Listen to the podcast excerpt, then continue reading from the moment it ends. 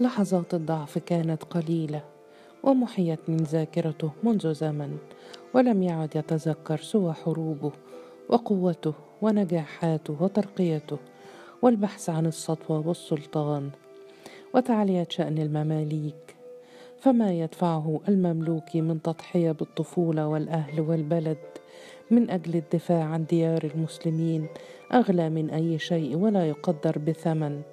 ولا بكل ما يدفعه العامة من ضرائب. الأمير محمد كان معروفا عنه الدهاء في الحرب والصرامة في التعامل. وترقى بسرعة جعلت المماليك تحسده وتهابه بعض جنوده تم خطفهم وهم أكبر سنا منه وتذكروا مكان قريتهم وأسماء أهلهم وعادوا في وقت لاحق بحثا عن العائلة والأم. ووجدوهم وأخذوهم معهم إلى مصر. أو زاروهم باستمرار.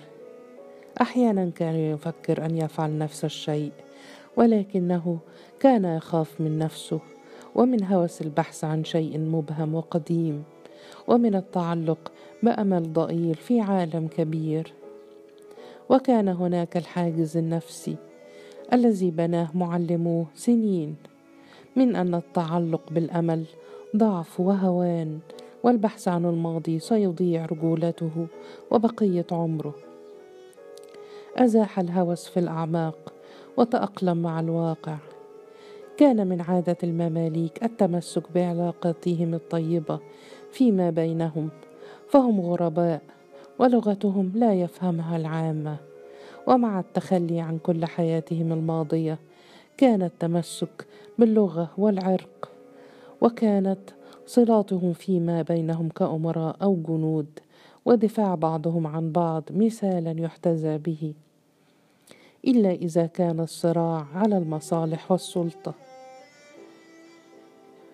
كون الأمير محمد قرر الزواج من العامة شيء محير لا يفهمه أحد لا صديق ولا عدو ولم يعرف الأمراء. ما وجدوا في ابنة التاجر حتى جعله يزهد في كل النساء دونها ويخرج عن شرع الأمراء ولم يفهم محمد نفسه قط.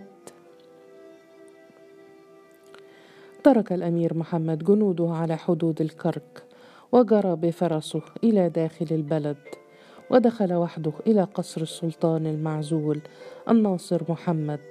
دق باب القصر وفتح له بعض الرجال. وعند دخول الأمير محمد على الناصر أشرق وجه الناصر واتجه إليه بسرعة وهو يعرج وعانقه في قوة وربط على كتفه وهو ينتظره منذ شهور.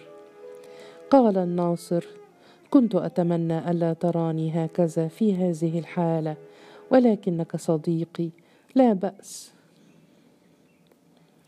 الناصر محمد كان جسده هزيلا والإصابة في قدمه واضحة لكل من يحضر مجالسه ولكنه كان يملك وجها قويا وعينين ثاقبتين ونظرات طويلة تنم عن أصل عريق وتعليم وافر جلسا معا فقال الناصر بعد برهة بيبرس يعبس في الأرض فسادا أليس كذلك؟ هز محمد رأسه بالإيجاب بعث يطلب مني رجالي وكل أموالي أتصدق هذا؟ فقال يشيع أنك تركت الحكم وهربت. قال لم يكن لدي الاختيار وأنت تعرف كان سيقتلني في أي لحظة ويتخلص من جثتي ويحكم للأبد على الأقل. الآن هناك أمل. فقال هذه ثاني مرة يا مولاي تترك الحكم. قال له مولاي لم أسمعها منذ زمن من أهل مصر. أسمعني يا محمد لا أمان لبيبرس. ربما معظم المماليك السلطة هدفهم وأمامها يخونون أي عهد. تربوا بطريقة مختلفة القتال هدف ووسيلة والولاء يباع ويشترى. صمت محمد قليلا ثم قال إذا فكرت بهذه الطريقة فلن تصل إلى الحكم مرة أخرى ابدا. فقال له ماذا تعني؟ قال محمد في حسب لن يساعدك سوى المماليك يملكون السلاح والذخيرة وتدربوا على القتال. فقال تخلص مني المملوكي فقال له وسيعيدك أمراء المماليك. لا تخسرهم يا صديقي فليس لك سواهم. يتعاطفون معك ويكرهون طمع بيبرس. ربت على يد محمد وقال ستساعدني؟ فقال له تعرف أنني أساعدك منذ رحيلك. صمت لحظات ثم قال في حسرة يمنع عني الطعام. تصدق هذا؟ لا أكل الطيور الخضروات فقط. تعرف أنه منع عني الأوز والدجاج. قال إنها باهظة الثمن وإن البلاد في حالة حرب وفي حاجة إلى كل درهم. عندما تزل السلطان ماذا تتوقع؟ يريد كسري. أفهم وأصبر. حدث هذا من قبل. أنت تعرف يا محمد. مصر كلها تعرف أن السلطان الصغير اختبأ من الأمراء وخرجت أمه لتتفاوض معهم وترجوهم أن يبقوا على حياته ووعدتهم برحيلي. فعلت لولا تدخلها لكنت ميتا الآن. أنا لم ولن أنسى. وكيف لأهل مصر أن ينسوا؟ وكيف لأمراء المماليك أن ينسوا؟ أي سلطان هذا من يحتمي وراء أمه؟ فقال هذا كان وأنت لم تعد صغيرا ولم يعد لك الاختيار. فقال السلطان أصبحت أتذوق طعم الذل في فمي. فقال الأمير محمد الصبر مهم والتخطيط أهم. لو كسبت ولاء الامراء امراء مصر والشام ما استطاع بيبرز البقاء في الحكم. أتيت لك بالأوز والدجاج لا تقلق.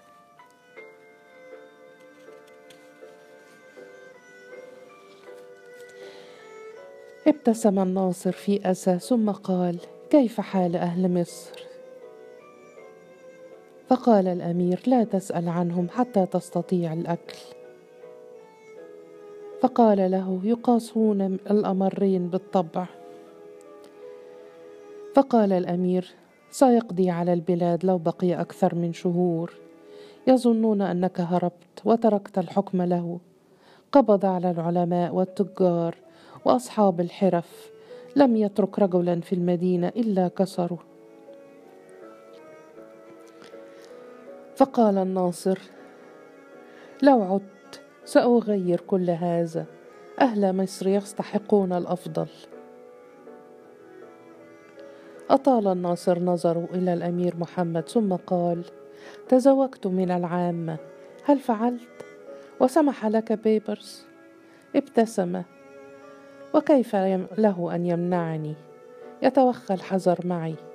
يحاول إرضائي ويحاول التخلص مني في الوقت نفسه.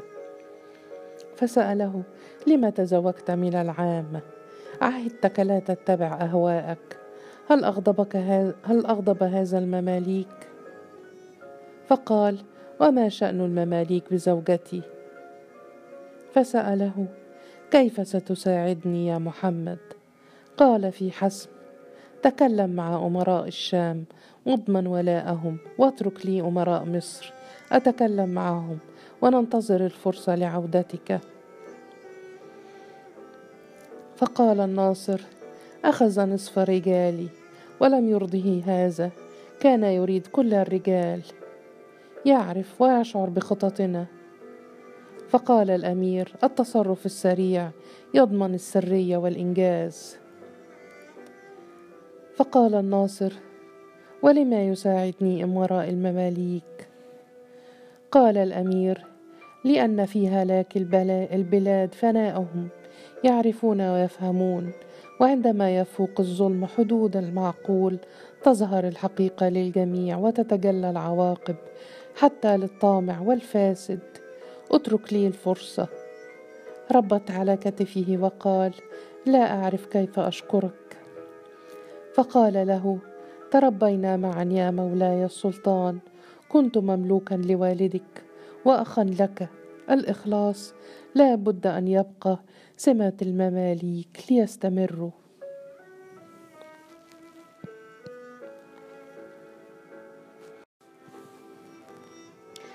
كان يبحث عنها في حماس وكانت تهرب منه بقدر المستطاع.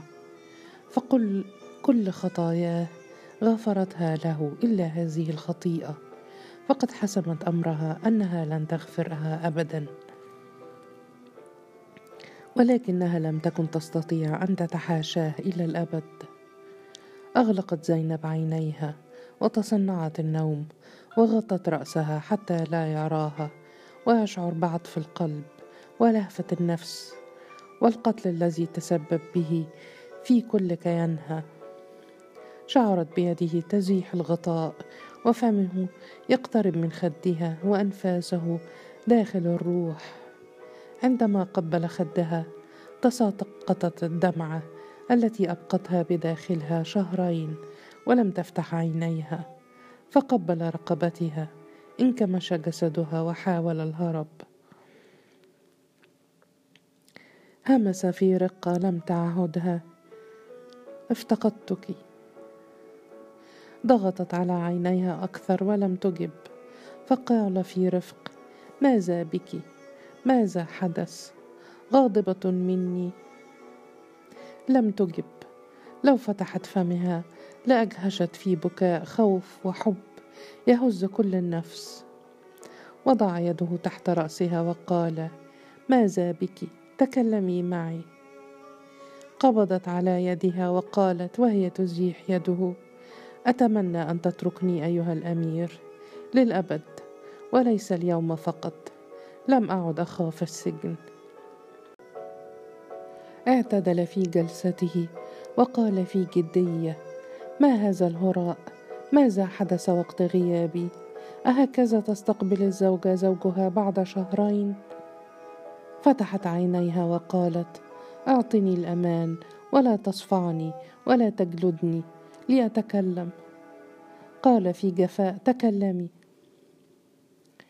كان قلبها يخفق وهي تنظر إليه وتتمنى أن تعانقه وأن تحبه وأن تقبله وأن تقتله وأن تعذبه. قالت في صوت مبحوح والغيظ يملأ قلبها. كذبت علي.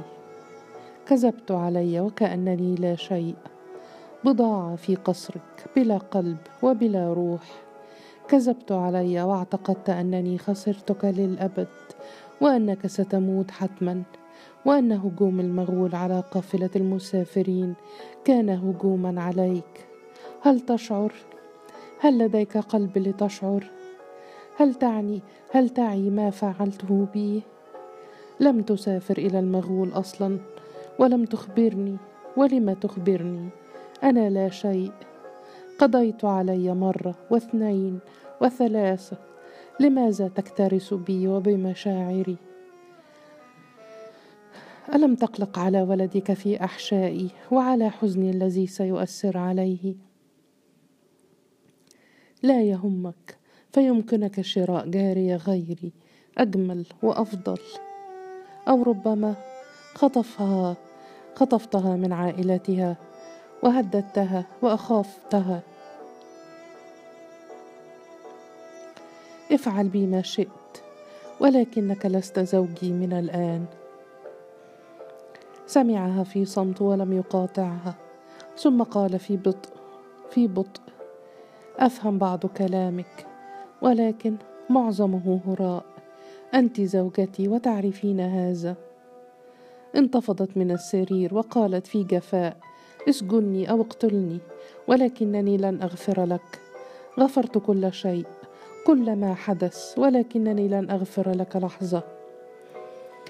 ظننت أنك قتلت وأن ابني سيولد بلا أب. لن أغفر لك هذا. كنت تعرف وكان يمكنك طمأنتي بكلمة واحدة ولم تفعل. قام وأحاط وجهها بيديه وقال في قوة لا أستطيع تعرفين هذا؟ شعرت بأنفاسه قريبة منها وتجلى كل هذا الهوان داخل نفسه أغمضت عينيها وهو يقترب بفمه من فمها ثم ابتعدت بسرعة وأزاحت يديه واتجهت إلى الباب وجرت من الحجرة. كانت زينب حاملا في الشهر الخامس وكلما نظر إليها شعر بهذا الحنو الذي بدأ يعتاده وهي معه. وجنتاها توردتا والحياة تشع من أطرافها. لم يكن قادرا على إذلالها كما تمنى في لحظات الغيظ من عنادها. ليته يستطيع أن يحطم بابها ويرغمها على التوسل وطلب الصفح. ولم لا؟ أليست ملكه وتحت سيطرته؟ فلم هذا اللين تجاهها الذي يسيطر على عقله ويجعل القسوة مستحيلة؟ عاشر الكثير من النساء قبلها وبحث مثل غيره من المماليك. عمن جاءت من بلده وقريته وتتذكر رائحة أشجاره وهو وهواء ماضيه. وجد الواحدة تلو الأخرى ولم يشعر بالسكينة ولم يستقر ماضيه ولا عقله. وإشباع الجسد لم يطعم الروح ولم يساعدها على الوصول والاستغناء. أما زينب فشوقه لها ينسكب من روحه ومشاعره تجاهها لم يستطع أن يفهمها منذ البداية وكأنها هفوته الوحيدة وكل المشاعر التي كتمها طوال طفولته وكل فطرته وتلقائيته التي دفنها حيه وهو طفل يمسك السلاح ويتعلم القتال. احتياج الروح غريب عليه. أخافه في البداية ثم بدأ يستسيغه ويعتاده مع واحدة فقط.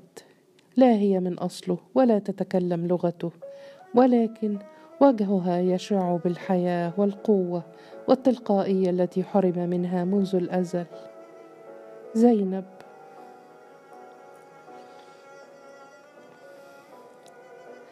تحاشت الكلام معه اسبوعا كاملا وكلما اقترب منها كانت تبتعد بأقصى سرعة حتى تقي النفس الانهيار أمامه كما يحدث دائما.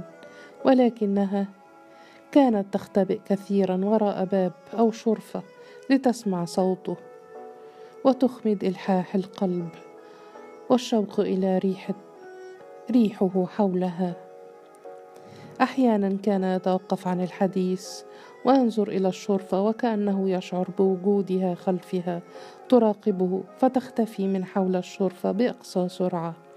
ولكنها كانت دوما تغلق باب حجرتها ليلا وتبقى في سريرها ساكنة وشوقها يحرقها. وقلبها يخفق له والغضب يسيطر على كل شيء.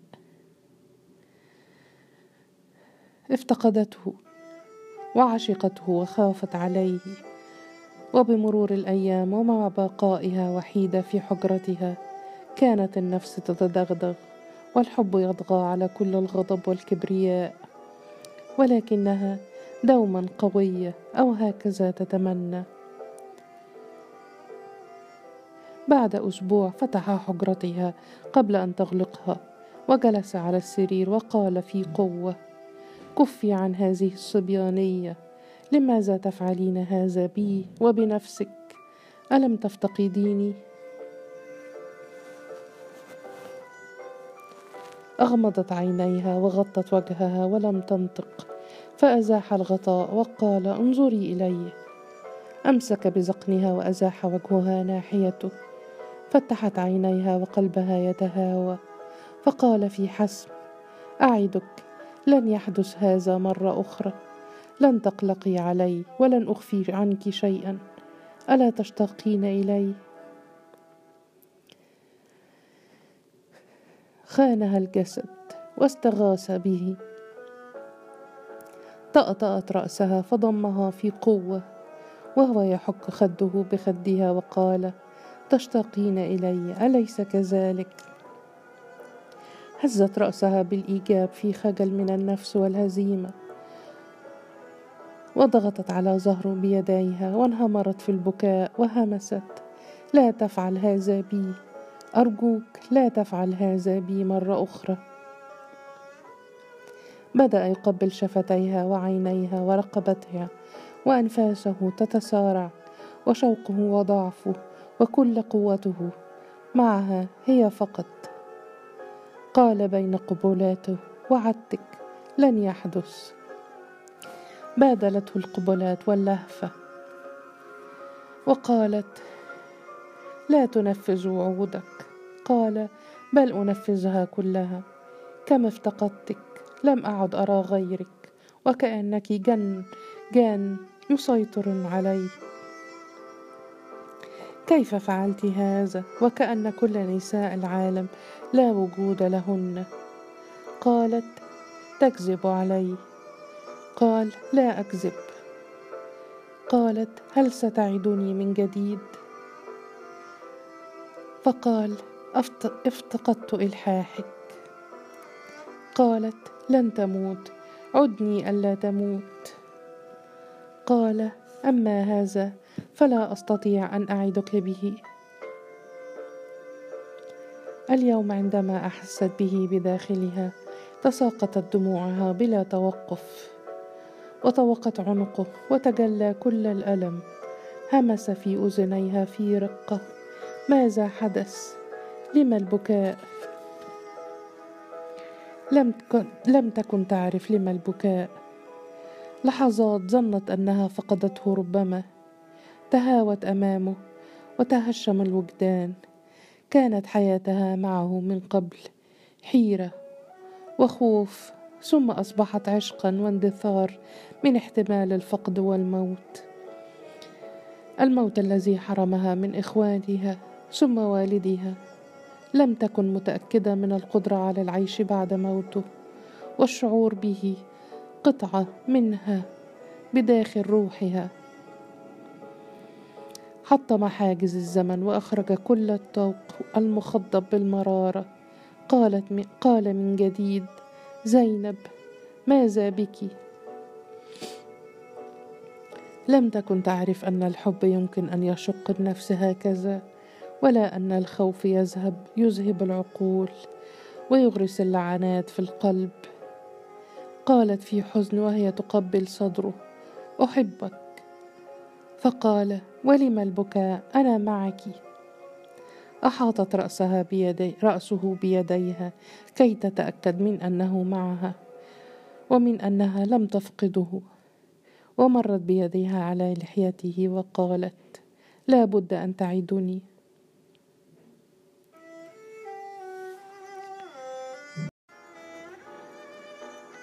ابتسم ولم ينطق. هذه الغزوة كانت غزوة فناء الجيشين.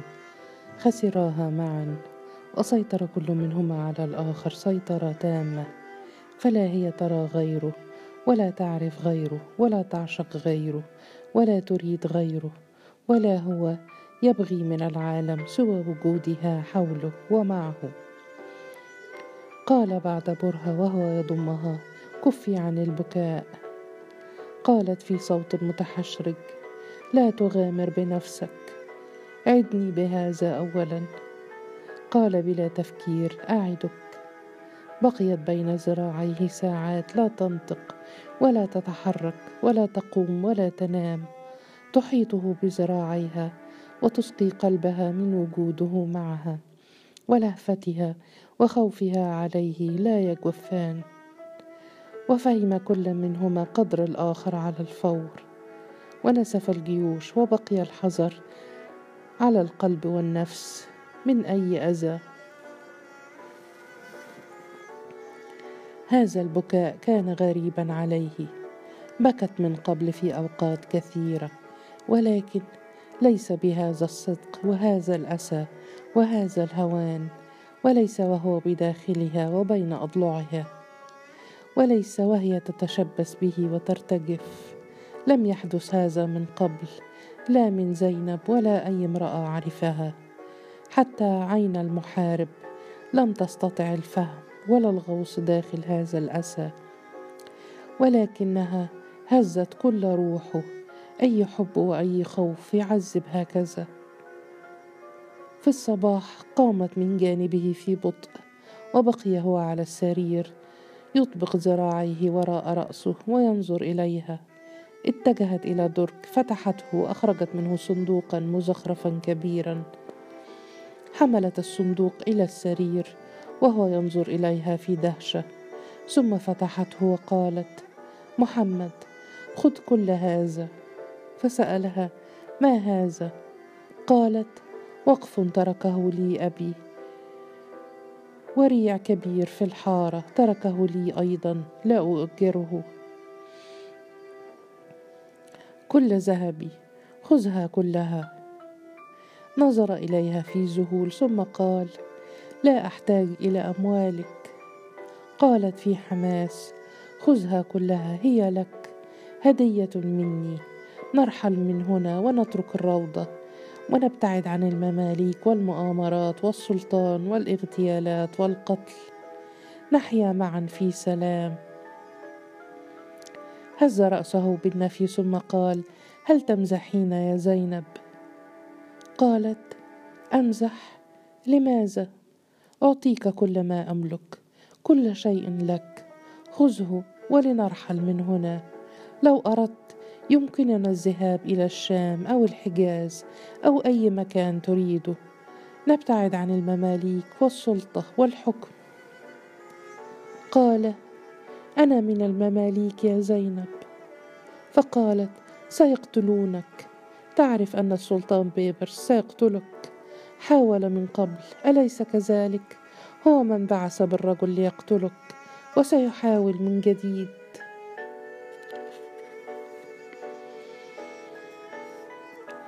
قال ولو أصبحت من العامة من العامة فلن يقتلني.